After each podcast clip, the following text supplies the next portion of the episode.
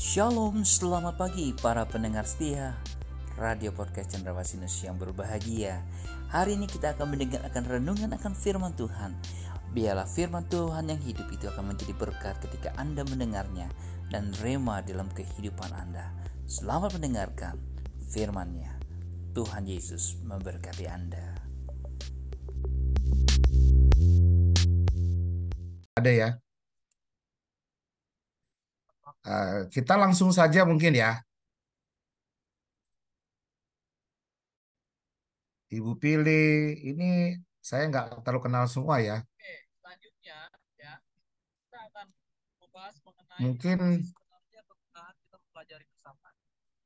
kalau Pak Samuel saya kenal, Pak Charles saya kenal. Ini A, ini ibu atau bapak? Ibu, Oh ibu, ibu malam Pak. puji Tuhan ibu bisa ikut ya. Bu pilih juga ya. Kalau Bu pilih kayaknya ibu deh. Iya, udah tua. Baik Bu, puji Tuhan. Ya, baik. Eh, kita akan memulai eh, materi kita hari ini ya, ibu-ibu, bapak-bapak. Eh, Kita lanjutkan yang kemarin. Sebenarnya saya agak ikutin yang kemarin dan kita lanjutkan dengan beberapa pemahaman baru tentang pujian sebenarnya. Tapi di sini saya kasih temanya worship is war. Sebenarnya perang. Maksudnya begini. Selama ini kita memahami bahwa pujian itu hanya sekedar lagu yang saya bilang seperti kemarin. Pujian itu hanya sebatas uh, emosi kita waktu kita menyanyikannya dengan senang, waktu kita menyanyikan dengan sedih hanya di situ. Kita merasa bahwa kalau kita menyanyi itu kita mendapatkan kelegaan atau kita mendapatkan kekuatan. Seperti itu saja. Kita lebih banyak ber, uh, hanya memahami bahwa pujian itu bisa seperti itu. Ya, padahal pujian itu bicara tentang seperti kemarin kita sudah pelajari, itu bicara tentang kuasa, itu bicara tentang mujizat. Harus betul-betul dipahami bahwa pujian atau penyembahan itu nggak sekedar cuman lagu, nggak sekedar cuman bicara eh, sesuatu apa nama kebiasaan saja, sesuatu yang yang saudara tahu hanya dia akan memberikan kekuatan, dia hanya akan apa namanya membuat saudara lebih lega karena saudara syairnya begitu indah atau nadanya bagus sehingga saudara bisa merasakan uh, merasa lebih tenang begitu ya. Mungkin hanya itu yang kita tahu. Tapi padahal dibalik dari semua itu, sebenarnya pujian atau penyembahan yang kita lakukan itu tahapannya bukan sampai di situ saja. Tapi ada tahapan yang berikutnya yang namanya peperangan sebenarnya. Kedengarannya serem, kedengarannya serem, tapi ya, kita akan belajar sama-sama. Tidak perlu kita takuti sebenarnya. Hanya kita harus tahu bahwa di dalam pujian penyembahan itu ada sesuatu yang sedang terjadi sebenarnya begitu. Nah, kalau saudara perhatikan ayatnya di sini, Efesus 6:12 bilang karena perjuangan kita bukan melawan darah dan daging, tetapi melawan pemerintah-pemerintah, melawan penguasa-penguasa, melawan pengeluh-pengeluh dan dunia yang gelap ini, melawan roh-roh jahat di udara. Artinya bahwa apa pun yang kita lakukan sebenarnya itu masuk dalam medan peperangan. Itu masuk dalam medan di mana kita harus melawan sesuatu begitu. Termasuk dalam pujian penyembahan. Ya. nah ini yang banyak orang nggak tahu. Banyak orang tidak masuk sampai ke situ. Maka sehingga pujian-pujian yang mereka lakukan penyembahan yang mereka lakukan sifatnya hanya sebatas pujian saja. Sifatnya hanya sebatas menyenangkan diri sendiri saja. Sampai di situ saja. Padahal bahwa dalam pujian yang saya katakan kemarin ada kuasa ada mujizat di situ itu ada pertanyaannya. Bagaimana saudara bisa menang sehingga mujizat itu terjadi? Itu ada pertarungannya. Nggak sekedar cuma nyanyi. Nggak sekedar cuma saudara memiliki iman yang seperti saya katakan kemarin. Tapi di situ ada pertarungannya. Nah makanya kemarin saya katakan pujian itu perlu kuasa. Sehingga pada saat masuk dalam pertarungan itu kita bisa menang masuk dalam pertarungan itu kita menang dan kita mendapatkan mujizatnya. Nah itu yang saya mau sampaikan hari ini kepada uh, ibu-ibu, bapak-bapak yang ada di Zoom kita hari ini. Saya mulai ya. Eh, uh, ayat yang kita kita sudah baca sebenarnya yaitu Yohanes 14 eh, Yohanes 4 ayat 23 ya kita semua sudah tahu sebenarnya ayat ini kan? Tetapi saatnya akan datang dan sudah tiba sekarang bahwa penyembahan penyembah benar akan menyembah Bapa dalam roh dan kebenaran. Sebab Bapa mendaki penyembah-penyembah demikian. Nah kemarin yang saya katakan sama eh, di khotbah minggu kemarin bahwa bukan hanya pujiannya tetapi kita harus memahami yang Tuhan cari adalah orangnya pribadinya. Ya. Jadi kalau di antara saudara dan saya, saudara dan saya itu masuk di dalam penyembahan, tetapi kita tidak tidak menjadi penyembahnya, orangnya, maka itu bermasalah sebenarnya buat kita. Ya. Kita hanya menaikkan pujian sebatas tidak berbeda dengan orang di luar sana. Karena kita lagi susah, kita nyanyi lagu-lagu yang sedih, kalau kita lagi senang, kita lagu-lagu yang girang dan kita merasa sukacita di situ. Kita merasa senang di situ. Sampai situ saja batasannya. Ya, sama dengan di luar sana orang dengan itu. Tetapi orang yang hidup di dalam penyembahan, maka mereka bisa masuk di dalam penyembahan mereka itu, mereka bisa masuk dalam pujian mereka itu, sehingga pujian itu bisa hidup buat mereka. Karena mereka sudah menghidupi hidup mereka menjadi penyembah, menjadi pemuji. Sehingga setiap pujian-pujian yang mereka itu yang saya katakan kemarin ada kuasanya. Ya. Nah untuk bisa sampai punya kuasa itu harus bagaimana?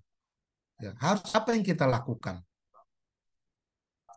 Yang pertama adalah menjadi penyembah seperti saya katakan tadi. Yang pertama saudara harus sadari bahwa saudara harus jadi penyembah. Karena Tuhan mencari penyembah-penyembah. Bukan mencari lagunya, bukan mencari pujiannya, tetapi dia mencari penyembahnya. Jadi mulai hari ini saudara dan saya harus pahami bahwa saudara dan saya adalah harus atau punya tanggung jawab atau punya tujuan yaitu saudara menjadi penyembah-penyembah. Nah, itu yang pertama harus saudara pahami. Yang kedua adalah saudara harus melatih penyembahan saudara. Ya, suka tidak suka, senang tidak senang, saudara harus melatih diri saudara baik dalam keadaan baik, baik dalam keadaan gak baik, tetap harus menyembah Tuhan tetap harus melakukan penyembahan. Ya, itu saudara melatih diri saudara. Dengan cara apa? Nanti kita akan bahas dengan cara apa kita bisa melatih diri kita sehingga kita bisa menjadi penyembah-penyembahnya Tuhan yang berkualitas di hadapan Tuhan.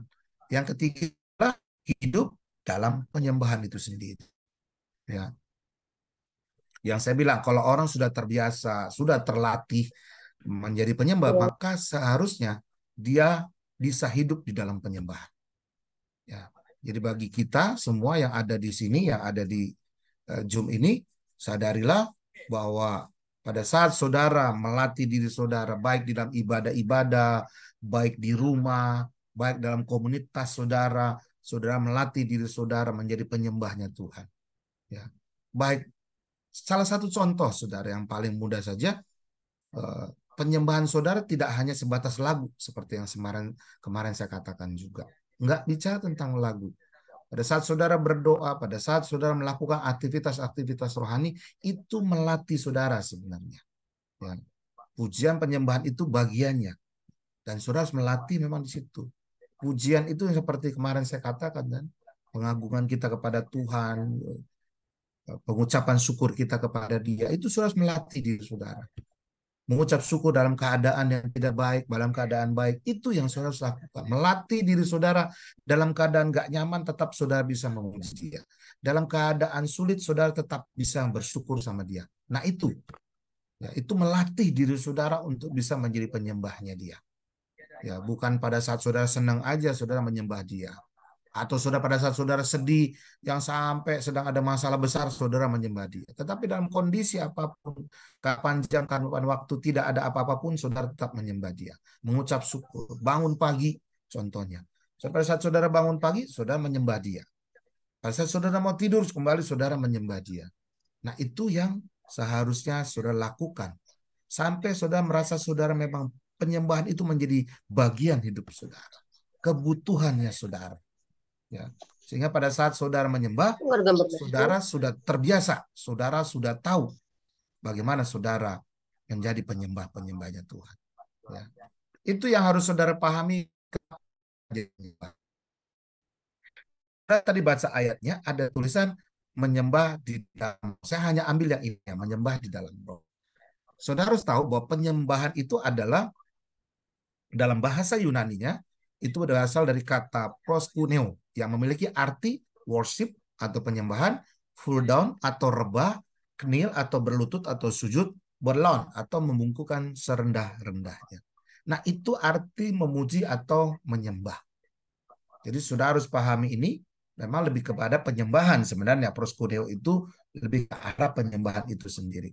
Jadi penyembahan itu sifatnya sudah bisa lihat itu ada yang rebah, ada yang berlutut, ada yang membungkukkan sampai serendah mungkin. Ya, itu arti penyembahan itu sendiri.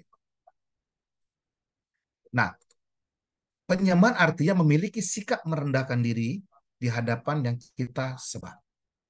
Ya, jadi kita betul-betul datang kepada Dia dengan merendahkan diri kita di hadapan Tuhan pasti yang jelas. Ya. Kepada yang mana kita sembah ya kita merendahkan diri kita di hadapan Dia. Ya, itu penyembahan. Nah, bicara tentang roh, maka dalam bahasa Yunani-nya itu diambil dari kata penemati atau dari kata penuma. Yang artinya spirit itu roh, inner life itu dalam hati nurani, self diri sendiri. Nah, ini banyak orang berpikir di dalam ayat ini yang Yohanes 4 ini kata roh di situ adalah rohnya Tuhan padahal bukan.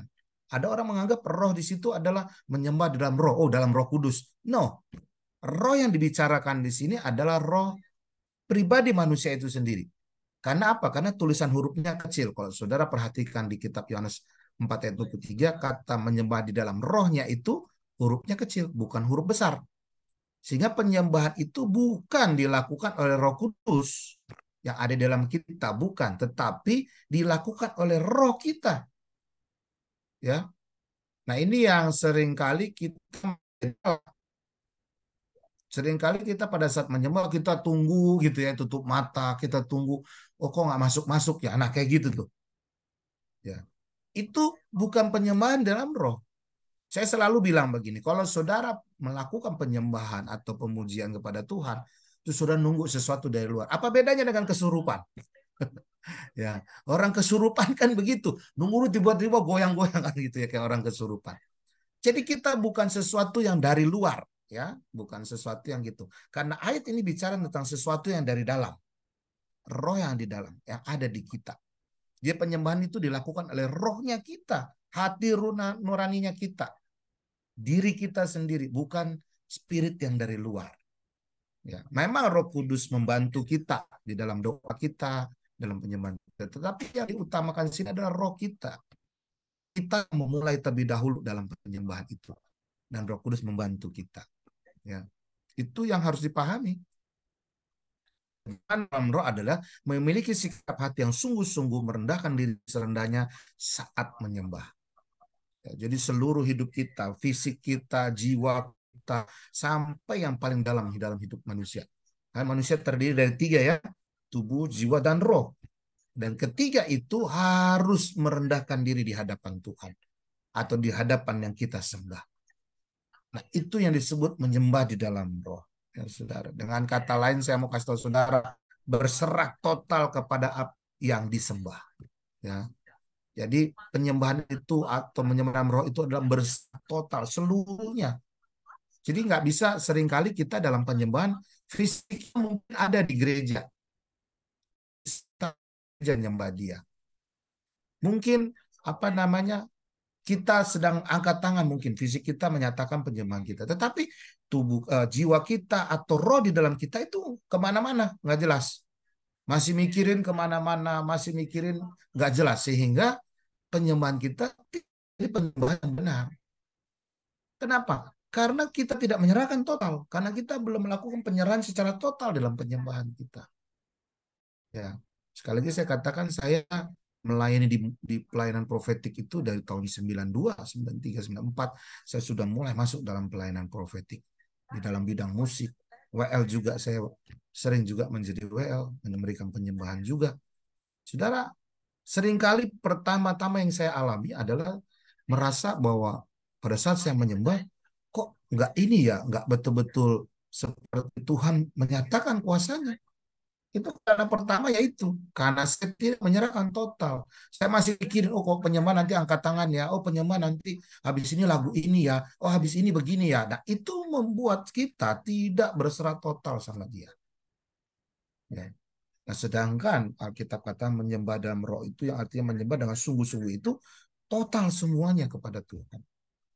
Nah itu yang sering kali kita akhirnya tidak menerima kuasa itu kuasa dari penyembahan kita itu. Ya. Maka walaupun itu dari di gereja, mau ibadah umum atau ibadah apa pun yang saudara sedang lakukan, maka saudara harus menyembahnya secara total. Tidak pedulikan kiri dan kanan. Kalau Tuhan memang mengizinkan saudara menggerakkan saudara atau roh saudara tergerak mengangkat tangan, angkat tangan. Yang saya bilang, kalau roh saudara tergerak untuk mendoakan orang di sebelahnya, doakan. Ya, izinkan itu terjadi begitu. Ya, izinkan sudah menyerahkan total Tuhan berkarya dalam hidup saudara pada saat penyembahan. Ini yang saya mau beritahu saudara tentang penyembahan di dalam roh. Nah, bicara tentang pujian yang sesungguhnya, yang saya bilang tadi pujian penyembahan adalah peperangan yang sebenarnya, saya ada Eh, dapat artikel begini saudara saudara. Salah satu tujuan ibadah mengundang Tuhan untuk hadir dan berjuang bersama kita dalam pertempuran hidup kita. Ya, karena kita butuh kemenangan dalam hidup kita. Saudara saya percaya pada saat kita bangun tidur dari pagi kita bangun pagi sampai kita mau tidur lagi kita berharap di dalam keseharian kita itu eh, permasalahan persoalan yang kita hadapi itu kita bisa menang ya dari waktu ke waktu. dari kita bangun pagi itu mulai kita mau mandi kita mau apa lalu kita mulai bekerja bekerja berusaha mungkin itu kita berharap apa pun yang terjadi di dalam perjalanan hari itu kita mendapatkan kemenangan lepas kemenangan. Nah saya berharap saudara paham ini maka pada saat saudara beribadah atau kita menyembah atau kita memuji dia kita berharap Tuhan hadir bersama-sama dengan kita karena kita telah menyerahkan total sama dia ya dan pada saat kita berjuang ini kita memperoleh kemenangan dari hari waktu ke waktu dalam hidup kita. Ya. Kita perlu melakukan peperangan atas keluarga kita, atas jiwa kita, bisnis kita, lingkungan kita, dan juga bangsa kita. Berapa banyak kita kan sering ya kalau kita di rumah mungkin kita berdoa atau di gereja kita berdoa, kita berdoa untuk keluarga, kita berdoa untuk jiwa-jiwa bisnis eh, apa namanya kalau jemaat yang mereka yang berusaha Ya, kita berdoa untuk lingkungan di mana kita berada, kita berdoa untuk bangsa kita. Nah, itu sedang mengalami yang namanya peperangan sebenarnya. Tanpa kita sadari, kita anggap itu doa biasa saja. Tidak, saudara. Pada saat kita berdoa seperti itu, kita berdoa untuk keluarga kita, kita berdoa untuk jiwa-jiwa, kita berdoa untuk bisnis. Itu sedang perang, saudara. Sadari atau tidak saudara sadari, itu saudara sedang melakukan peperangan. Kita berharap contoh keluarga kita kita berharap dilindungi oleh Tuhan. Itu peperangan. Iblis mungkin ingin mencelakai keluarga saudara. Tetapi dengan saudara pada saat saudara memuji Tuhan, menghadirkan Tuhan dalam kehidupan saudara sehingga saudara menerima kuasa itu dan pada saat berdoa untuk keluarga saudara, kuasa itu bekerja dan kuasa kegelapan itu tidak bisa menyentuh keluarga saudara. Nah itu ya. Jadi pujian nggak sembarangan, penyembahan itu nggak sembarangan. Karena pada saat saudara lakukan itu sudah menghadirkan Tuhan otoritas kuasa itu untuk ada dalam hidup saudara. Ya. Jadi jangan anggap enteng. Seringkali kita berdoa, ya, baik worship leader, kalau di sini ada worship leader, ya saudara sering kali kita berdoa di ibadah kita, kita suka berdoa Tuhan berkati, Tuhan nyatakan kuasamu Tuhan. Itu saudara tidak sadar tidak saudara sadari, saudara sedang memukul genderang perang dengan kuasa yang lain. Maka saya sering kali kalau ber, eh, ber, di ibadah, di dalam satu ibadah saya hadir dalam satu ibadah atau di ibadah di mana saya berada, biasanya saya akan berdoa secara pribadi, yaitu mendoakan untuk perlindungan Tuhan untuk di mana saya berada pada saat saya melayani. Tuhan lindungi gereja ini, Tuhan uh, lindungi jemaatmu sehingga mereka konsentrasi dalam kebenaran firman Tuhan, tidak diganggu oleh pikiran-pikiran yang lain, tidak diganggu oleh iblis untuk mengacaukan pikiran mereka sehingga mereka nggak terima firman Tuhan. Mereka nggak terima kuasa firman. Mereka nggak terima kuasa pujian. Itu. Jadi sangat penting sebelum ibadah dimulai para pendoa khususnya para pendoa. Saya nggak tahu di Chelsea adakah pendoa khusus yang mereka pada saat ibadah mereka berdoa untuk itu atau adakah orang-orang yang berdoa memang untuk ibadah sehingga ibadah itu dilingkupi oleh Tuhan sehingga kuasa-kuasa kegelapan tidak bisa menyerang.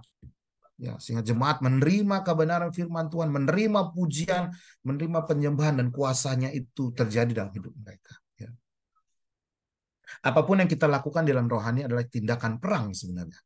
Ya, contoh salah satunya Daud. Ya, kalau sudah perhatikan di kitab Mazmurnya itu banyak sekali ayat-ayat yang bicara tentang perang, saudara. Ya. Mazmur 233, Mazmur 144 ayat 1, Mazmur 68 ayat 1 itu bicara semua tentang bagaimana Daud bicara tentang peperangan. Dan kalau sudah lihat contoh salah satunya pada saat Saul kalau dia dalam kondisi yang tidak baik, ada roh yang jahat ada dalam dia, maka Daud hanya memainkan kecapi, lalu dia tenang kembali. Pujian bisa membawa orang kepada ketenangan. Betul. Ada kuasa di sana. Ya. Itu yang harus dipahami ya. Jadi pujian penyembahan itu nggak bicara tentang hanya menyembah kepada Tuhan. Tetapi itu juga bicara tentang kita sedang berperang. ya terhadap kuasa yang lain. Satu sisi kita menyembah Tuhan yang luar biasa, satu sisi kita menyembah Tuhan yang dahsyat, yang kita berharap dia hadir dalam uh, pada saat kita menyembah itu sehingga kita menerima kuasanya. Satu sisi kita sedang melawan kuasa yang lain untuk kita kalahkan dalam pertempuran kita. Nah, itu yang harus saudara paham. Jadi bukan bukan hanya sekedar ibadah minggu itu, ibadah. Oh, yang penting saya lakukan rutinitas, saya datang ibadah pagi atau ibadah sore saya datang dan setelah itu ujian, persembahan, firman Tuhan, pengumuman lalu pulang. Sudah sampai situ saja. Maka berapa banyak di antara kita pada saat hadir dalam satu ibadah, pulang kita nggak dapat apa-apa. Kenapa? Karena kita tidak mendapatkan kemenangan di dalam ibadah itu. Maka perlu sekali saudara semua yang hadir hari ini di Zoom, saudara perlu sekali membuat ibadah saudara itu ada kuasanya melalui pujian yang sudah naikkan, melalui penyembahan yang sudah lakukan itu mendatangkan kuasa Tuhan. Sehingga kuasa kegelapan itu, kuasa-kuasa yang tidak berkenan itu tidak mengganggu ibadah saudara. Sehingga pada saat firman Tuhan disampaikan, maka mereka menerima kebenaran firman Tuhan. Masuk dalam hidup mereka. Ya, itu yang harusnya terjadi dalam setiap ibadah. Ya, mereka datang, mereka pulang tidak sama. Kita suka sering kali berdoakan gitu ya, khususnya para WL. Tuhan biarlah jemaat datang pulang tidak sama. Ya kita berharap itu. Tidak samanya artinya mereka pulang dengan kemenangan. Mereka datang dengan masalah, mereka pulang dengan kemenangan. Mereka datang dengan sakit penyakit, mereka pulang dengan kesembuhan. Itu yang kita harapkan. Melalui pujian kita, kita menghadirkan Tuhan, menghadirkan kuasanya. Sehingga jadi kuasa apa pun boleh tersingkir. Dan jemaat menerima kebenaran. Ya, itu yang harus dipahami ya. Jadi tidak sekedar cuman ibadah, tidak sekedar cuma memuji Tuhan, tapi kita sedang bicara, sedang perang. Ya. Nah, saya mau kasih tahu untuk dapat menang dalam perangan rohani dengan pujian itu apa saja? Yang pertama, saudara harus terlatih. Ya, yang saya bilang tadi suka tidak suka, saya akan ulang ini karena ini yang paling terpenting dari satu uh, yang namanya pujian penyembahan, yang namanya saudara menjadi pemujinya Tuhan. Saudara harus melatih diri saudara sampai sedemikian rupa sampai saudara menguasai ya. Pelatihan saudara-saudara memang betul-betul saudara dalam kondisi apa pun saudara tetap bisa memuji dia. Dalam kondisi seperti berat apa pun saudara tetap bisa memuliakan Tuhan. Ya, itu karena saudara telah melatih hidup saudara. Ya, itu penting sekali. 1 Korintus 9 26 ayat 7 bilang, sebab itu aku tidak berlari tanpa tujuan dan aku bukan petinju yang sembarangan saja memukul, tetapi aku melatih tubuhku dan menguasai seluruhnya dan seterusnya dan seterusnya. Sudah harus melatih diri saudara. Kita nggak sembarangan mukul. Ya, artinya sembarangan mukul apa? Saudara bisa bayangin kalau tinju saudara asal-asalan. Satu tenaga saudara habis. Ya, saudara udah KO sebelum dipukul sama orang. Kenapa? Karena udah tenaganya sudah habis. Karena asal-asal lari asal mukul asal. Kalau saudara sudah terlatih, saudara tahu kapan waktunya mengeluarkan pukulan jet. Kapan waktunya mengeluarkan pukulan hook. Nah, saudara karena sudah terlatih. Begitu juga dengan pujian-pujian saudara. Nah, saya nggak tahu kalau di sini ada WL atau saudara para hamba Tuhan. Ada kalanya pada saat saudara ada di atas mimbar, tiba-tiba Tuhan taruh di hati saudara satu pujian tentang peperangan. Maka pada saat saudara naikkan pujian itu ada seperti kuasa yang mengalir begitu luar biasa. Nah, itu karena saudara sudah terlatih pada saat pelatih saudara kita tanda kutip saya bilang pelatih adalah Tuhan mengingatkan saudara, eh lakukan zep. Nah, saudara bisa lakukan itu. Kenapa? Karena saudara sudah terlatih. Ya, itu yang harus saudara miliki. Jadi penting sekali saudara melatih diri saudara, menyembah dia dalam kondisi apa pun, dalam situasi apa pun. Pujian itu saudara harus tetap bisa lakukan. Ya, Kenapa? Karena saudara terlatih. Pertama, menghidupi pujian dalam kehidupan sehari-hari. Ya, sekali lagi saya mau kasih tahu saudara, kalau saudara nggak suka memuji, saudara nggak menyanyi ya, dalam kehidupan saudara sehari-hari, saudara nggak terlatih dengan itu. Karena ada kalanya Tuhan mengingatkan beberapa pujian itu untuk saudara bisa menang dalam pertarungan-pertarungan saudara. Ya. Ada kalanya tiba-tiba Tuhan bisa berikan pujian dalam hidup saudara secara pribadi. Sering saya lakukan itu kadang di mobil. Eh, Satu kali saya berangkat ke Bandung, saudara pulangnya saya harus pulang malam itu kurang lebih jam 10 jam 11 malam saya harus turun dari Bandung. Sampai di jalur eh, eh, antara Bandung Jakarta itu ya saya merasakan ada sesuatu yang luar biasa di belakang saya, saudara. Sangat luar biasa. Dan akhirnya terlihat wujudnya. Ya, ya saya mau katakan itu kuasa kegelapan wanita rambutnya panjang tapi hitam di belakang saya, saudara. Saudara, apa yang saya lakukan? Saya hanya memuji Tuhan waktu itu. Saya hanya memuji Tuhan dan Tuhan taruh beberapa pujian yang saya masih ingat itu. Ya, saudara. Nah, pada saat saya naikkan pujian terus, saudara dia ada di belakang saya, saya terus naikkan pujian, pujian, pujian sampai akhirnya dihilang, saudara.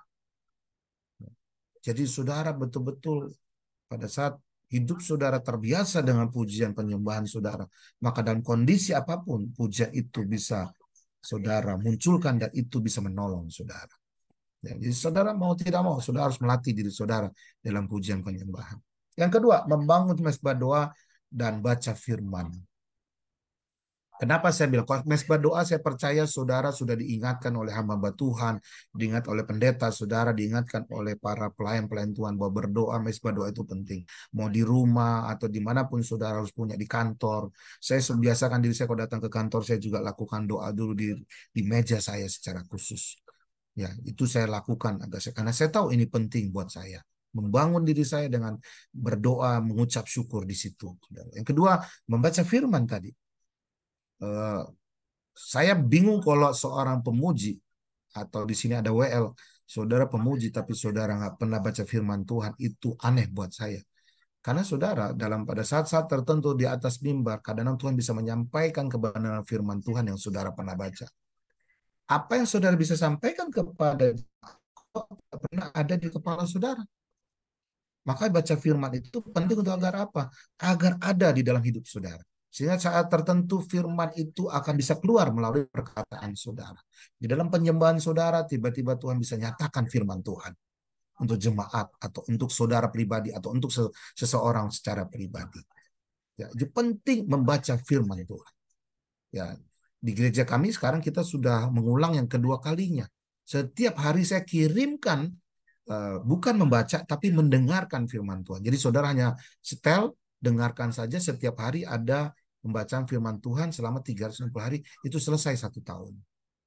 Ya, itu saya kirim. Ini kita sudah mengulang yang kedua kali. Ya, jadi saya kirim setiap hari, setiap pagi saya kirim ke, ke jemaat ke kita punya grup uh, jemaat untuk mereka dengar firman Tuhan. Dan saya melihat begitu luar biasa mereka yang rajin di dalam membaca itu, wah mendengarkan firman Tuhan itu mereka diberkati, mereka luar biasa.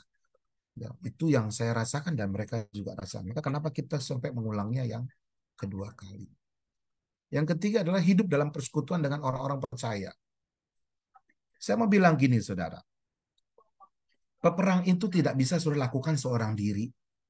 Saudara butuh orang lain untuk masuk dalam peperangan-peperangan. Saya ambil contoh di atas mimbar ada pemain musik, ada WL, ada singer. Saudara butuh harmonisasi sehingga suara yang dikeluarkan itu akan menjadi indah. Suara yang dikeluarkan itu akan membuat uh, harmonis untuk didengar enak di telinga. Tapi kalau saudara bisa bayangkan satu dengan yang lainnya tidak tidak ada kesatuan di situ, ya, maka akan jadi masalah. Suaranya akan jadi jelek. Butuhnya persekutuan agar saudara bisa menyatukan pemikiran, bisa menyatukan hati, mengharmonisasikan hidup saudara. Ya, jadi ini penting. Makanya kalau saudara seorang lagi worship leader, pemain musik, ya, saudara kalau nggak pernah datang dalam persekutuan, Ibrani 10.2 bilang-bilang, janganlah menjauhkan diri dari persekutuan itu. Jangan, saudara. Pertemuan-pertemuan itu, saudara nggak boleh. Saudara wajib hadir dalam doa-doa yang dilakukan oleh gereja. Doa korporat ya saudara. Saya tahu ada orang bilang, ah di rumah kan sama saja. Betul. Di rumah saudara bisa berdoa. Iya bisa berdoa. Tapi berdoa korporat itu membangun satu dengan yang lain.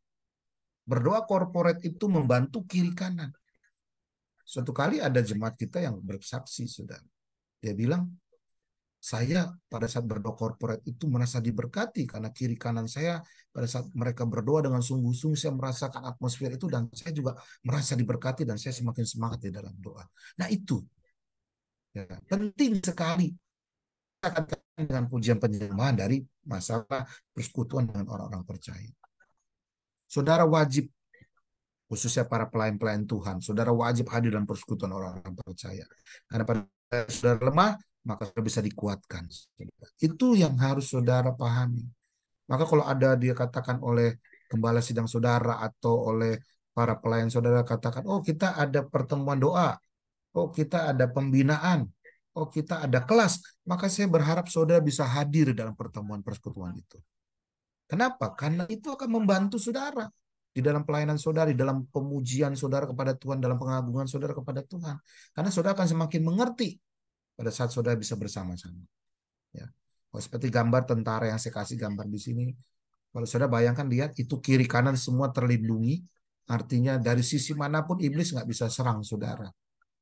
Kalau saudara bersama-sama bersatu hati, yang bersekutu, saya percaya kemenangan pasti ada. Ya, itu penting, khususnya para penyembah-penyembah Pada saat saudara menyembah bersama-sama, saudara bersekutu bersama-sama, maka ada perlindungan yang begitu terbiasa. Ya. Nah, selain itu apa saudara? Selalu siap. Ya. Efesus 6:11 bilang gini, kenakanlah seluruh perlengkapan senjata Allah supaya kamu dapat bertahan melawan tipu muslihat iblis. Saudara, melingkupi diri kita pada saat melayani khususnya di bidang puji-pujian. Seperti yang saya bilang tadi nih, khususnya para pelayan-pelayan Tuhan sebelum sudah masuk dalam pelayanan pujian penyembahan, baik pemain musik, worship leader, baik juga hamba-hamba Tuhan yang ada di eh, sekitar ibadah, saudara lakukan melingkupi doa saudara, perlindungan untuk tim saudara yang mereka yang mau melayani. Ya, itu harus saudara. Jadi tidak jangan sebatas karena saudara melayani, oh yang penting saya sudah melayani, oh saya sudah berdoa di rumah. No, pada saat sudah datang di dalam tempat di mana saudara melayani, menyembah, memuji Tuhan, maka perlindungannya Tuhan, perlingkupan Tuhan untuk setiap tim teman-teman kita yang melayani hari itu. Penting, saudara. Dan itu perlu persiapan, saudara. Perlu perlengkapannya. Sehingga pada saat mau menyerang, dia tidak ada sisi di mana pun untuk bisa menyerang, saudara. Ya. Yang kedua, selalu siaga dalam mesbah doa walaupun di rumah. Ya. Pemuji, yang namanya pemuji itu tidak terlepas dari pendoa juga. Pasti. Dia suka pasti dengan doa juga. Seorang pemuji biasanya di dalam doanya akan banyak pujian di sana. Ya. Jadi buat saudara, tetap siaga di rumah. Oh, kalau lagi lagi nggak pelayanan nggak berdoa. Tapi kalau lagi pelayanan baru berdoa. itu itu yang sering kali saya lihat dan saya berharap tidak ada di antara kita yang hari ini hadir hanya tugas saja baru kita berdoa. Tapi kalau nggak tugas nggak berdoa. Nggak, maksudnya tidak berdoa dengan sungguh-sungguh. Tidak berdoa untuk pelayanan, tidak berdoa untuk persiapan diri saudara untuk pelayanan berikutnya. Memang hari ini mungkin minggu ini saudara tidak melayani. Tetapi minggu depan mungkin saudara melayani. Atau dua minggu lagi mungkin saudara melayani. Saudara mempersiapkannya di situ. Berdoa untuk pelayanan saudara dua minggu ke depan. Satu minggu ke depan. Saudara, bulan Agustus nanti ini saya melayani di gereja tapi dari sekarang saya sudah mempersiapkannya. Ya, saya sudah mendoakannya, saya sudah membuat perlindungannya. Ya, itu sudah dilakukan. Artinya kita siaga terus mempersiapkannya. Itu. Ya, itu penting, saudara. Ya. Berikutnya, selalu memiliki keyakinan iman di dalam setiap pujian sehingga kuasanya benar. Jangan pernah ragu dengan pujian yang saudara naikkan. Ya, kuasamu terlebih besar, tapi dalam hati saudara, benar nggak sih kuasa Tuhan besar kok saya nggak ngerasain? Nah itu, itu nggak boleh terjadi, saudara. Saudara harus punya keyakinan yang luar biasa terhadap pujian itu. Ya, keyakinan dengan iman sampai saudara bisa melihat bagaimana kuasa pujian itu mengalir untuk saudara. Ya. Itu karena saudara butuh iman. Itu adalah kesiapan saudara. Mentalnya harus di situ. Punya keyakinan. Itu artinya saudara siap. Apa pun yang pujian yang saudara naikkan itu, saudara punya keyakinan. Dia akan mendatangkan kuasa. Kenapa? Karena saudara sudah siap. Memiliki iman untuk yakin dengan itu. Ya. Itu penting. Yang berikutnya adalah memiliki mental pemenang. Ya. Roma 8:37 bilang, tetapi dalam semuanya itu kita lebih daripada orang-orang yang menang oleh dia yang telah mengasihi kita. Jadi saudara harus pahami bahwa saudara satu, saya ngomong gini, miliki mental pemenang sebelum berperang. Ya. Harus. Saudara harus punya keyakinan bahwa saudara pasti menang. Saudara sudah menang. Pada saat saudara memuji dia, saudara menyembah dia, saudara sudah tahu bahwa saudara itu sudah memegang kemenangan itu. Bicara tentang kemenangan itu bukan hanya bicara tentang sudah mengalahkan kuasa kegelapan, kemenangan itu bicara tentang bahwa saudara yakin dengan iman bahwa saudara terima kuasanya dan saudara akan terima mujizatnya. Itu. Dan itu bukan hanya buat kita, khususnya para pemuji nih. Pada saat saudara punya keyakinan menang di atas mimbar, yakin dengan kemenangan itu, maka atmosfernya itu bisa tersalurkan ke jemaat. Makanya saya bilang seperti saudara katakan tadi, mereka bisa merasakan hadirat Tuhan yang berbeda pada saat mereka datang dalam suatu ibadah. Ya, pada saat saudara pemuji sebagai penyembah pemain musik yang luar biasa, sangat totalitas kepada Tuhan dan memiliki keyakinan hari itu saudara menang. Saudara bisa membawa jemaat masuk dalam hadirat Tuhan dengan luar biasa. Saudara bisa membawa jemaat memenangi hidup mereka hari itu. Mereka yang datang dengan masalah pergumulan, mereka bisa dilepaskan. Itu sudah harus punya keyakinan. Ya. Miliki level yang sama di dalam tim pemuji. Ini khusus buat para pemuji, WL, pemain musik yang ada di atas mimbar. Level saudara harus sama. Nah caranya gimana bisa sama? Yang saya bilang tadi. Datang dalam persekutuan doa bersama. Berlatih bersama berdoa bersama, memuji bersama. Ya, itu saudara harus lakukan sampai levelnya sama. Kalau levelnya sama, kalau saudara lihat tentara itu punya level yang sama dalam menembak, maka sisi mana pun mereka akan bisa. Ya, seperti tadi saya kasih lihat gambaran kepada saudara. Mereka akan mudah karena level mereka semua sama. Siapa pun yang suruh maju akan sama hasilnya. Ya. WL yang suruh maju, singer yang suruh maju akan sama nilainya. Kenapa? Karena sudah memiliki level yang sama rohaninya. Ya. Hidupnya dalam dalam dalam Tuhan itu sama levelnya. Tapi yang saya bilang tadi untuk memiliki level yang sama itu, saudara butuh baca firman Tuhan, saudara butuh berdoa, saudara butuh korporat bersama. Ya, hidup bersama di dalam pelayanan itu penting sehingga saudara bisa memiliki level yang sama. Ya, tidak mengecilkan satu dengan yang lainnya, tidak merendahkan satu dengan yang lainnya. Tapi saudara memiliki keyakinan bahwa saudara di level yang sama. Ya. Berikutnya, menjaga kesatuan di dalam tim. Ini penting khususnya sekali lagi ini agak sedikit kepada tim pemuji dan penyembah sebenarnya, tapi tidak terlepas juga untuk jemaat. Walaupun saudara ada di bawah, tapi saudara adalah tim juga. Karena gini saudara, sadari pada saat ibadah terjadi, Saudara kita lakukan ibadah itu, saya mau tanya saudara, penontonnya siapa? Banyak di antara kita berpikir pada khususnya para WL, mereka berpikir bahwa jemaat adalah penontonnya. Ya kan? WL di depan, pemain musik depan, menampilkan sesuatu, lalu jemaat itu seperti jadi penontonnya. Begitu juga jemaat merasa, oh mereka jadi penonton melihat orang yang ada di depan. Saudara memuji ada yang di depan penonton kita cuma satu orang. Satu pribadi, yaitu Tuhan. Apa yang kita lakukan? WL di atas mimbar, kita jemaat di bawah. Semuanya pemujian penyembahan kita itu ditujukan hanya kepada satu pribadi. Bukan untuk gembala sidang, bukan untuk jemaat ya. WL bukan berpikir, oh saya menyembah untuk jemaat. No, tidak ada itu. Kita sedang menyembah, memuji, dan hanya untuk satu pribadi. Menyenangkan satu pribadi. Tidak untuk menyenangkan jemaat, tidak untuk menyenangkan pendeta. Tapi kita sedang menyenangkan satu pribadi. Ya. Dan saudara butuh kesatuan dia semuanya. Tidak ada perbedaan yang saya bilang tadi. Jemaat juga jangan berpikir, aduh pemain musiknya jelek, ah WL-nya kurang bagus. Saudara tidak satu tim. Kalau saudara sudah berpikir gitu, maka penyembahan saudara, pujian saudara itu biasanya akan berbeda.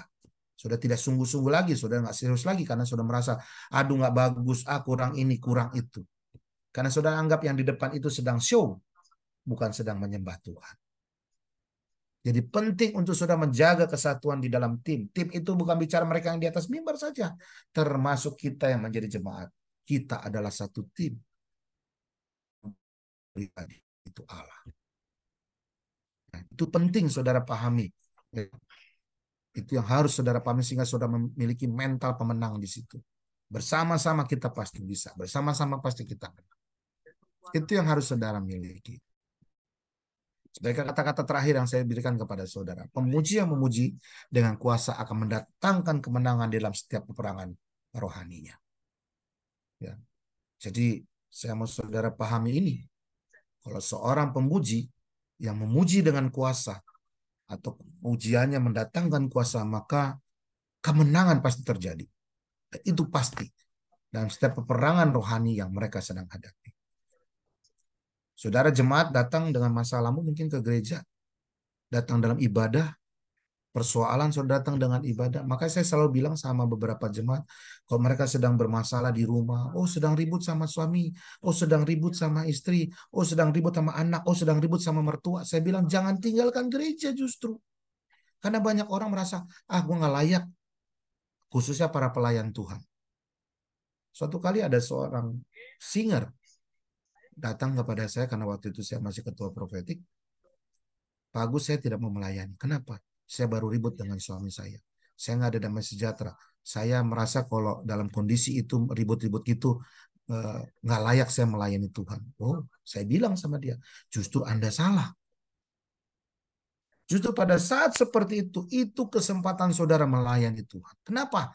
Karena pada saat saudara melayani Tuhan, saudara tertuduh. Ya kan? Kalau saudara sudah tertuduh, maka saudara harus cepat bereskan. Karena di situ saudara memaksakan diri saudara harus bereskan kan untuk bisa melayani dia. Kalaupun di atas mimbar saudara merasa tertuduh, ingat Tuhan tidak melihat pujian tapi Tuhan melihat hidup. Kalau di atas mimbar itu engkau menyerahkan total kepada Tuhan. Tuhan memang ada masalah. Tuhan memang ada persoalan. Tuhan memang sedang ada begini, ada begitu. Tetapi aku menyerahkan semuanya kepada Tuhan.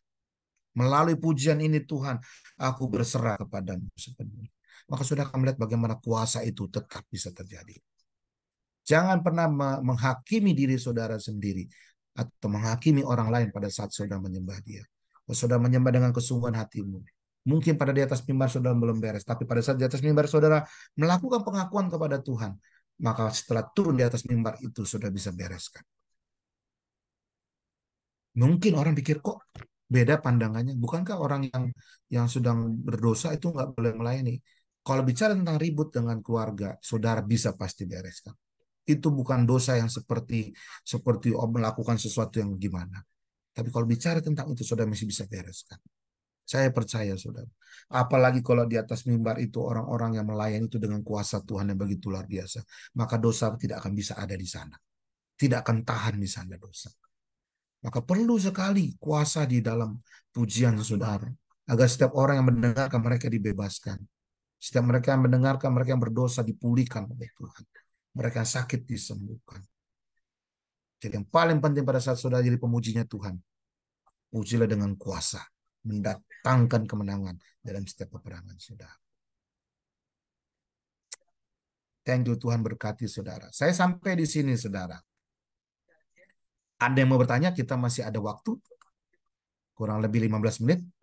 Oleh diskusi tentang pujian penyembahan kita hari ini. Silakan kalau ada yang mau bertanya atau ada yang mau berdiskusi. Ya, ada yang baik, punya pengalaman. Charles, terima kasih Pak Agus yang sudah menyampaikan nanti dipimpin sama Pak Charles. Silakan Pak Charles bisa dipimpin. Siapa uh, mungkin ada beberapa jemaat yang mau bertanya. Saya persilakan. Mungkin rekamannya bisa di stop. Silakan Pak Charles.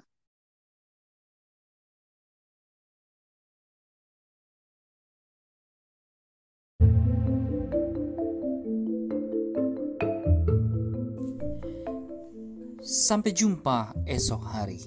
Kiranya damai sejahtera dari Allah Bapa, kecintaan kasih daripada Tuhan Yesus Kristus, dan persekutuan Roh Kudus menyertai kita mulai hari ini, esok, sampai Maranatha.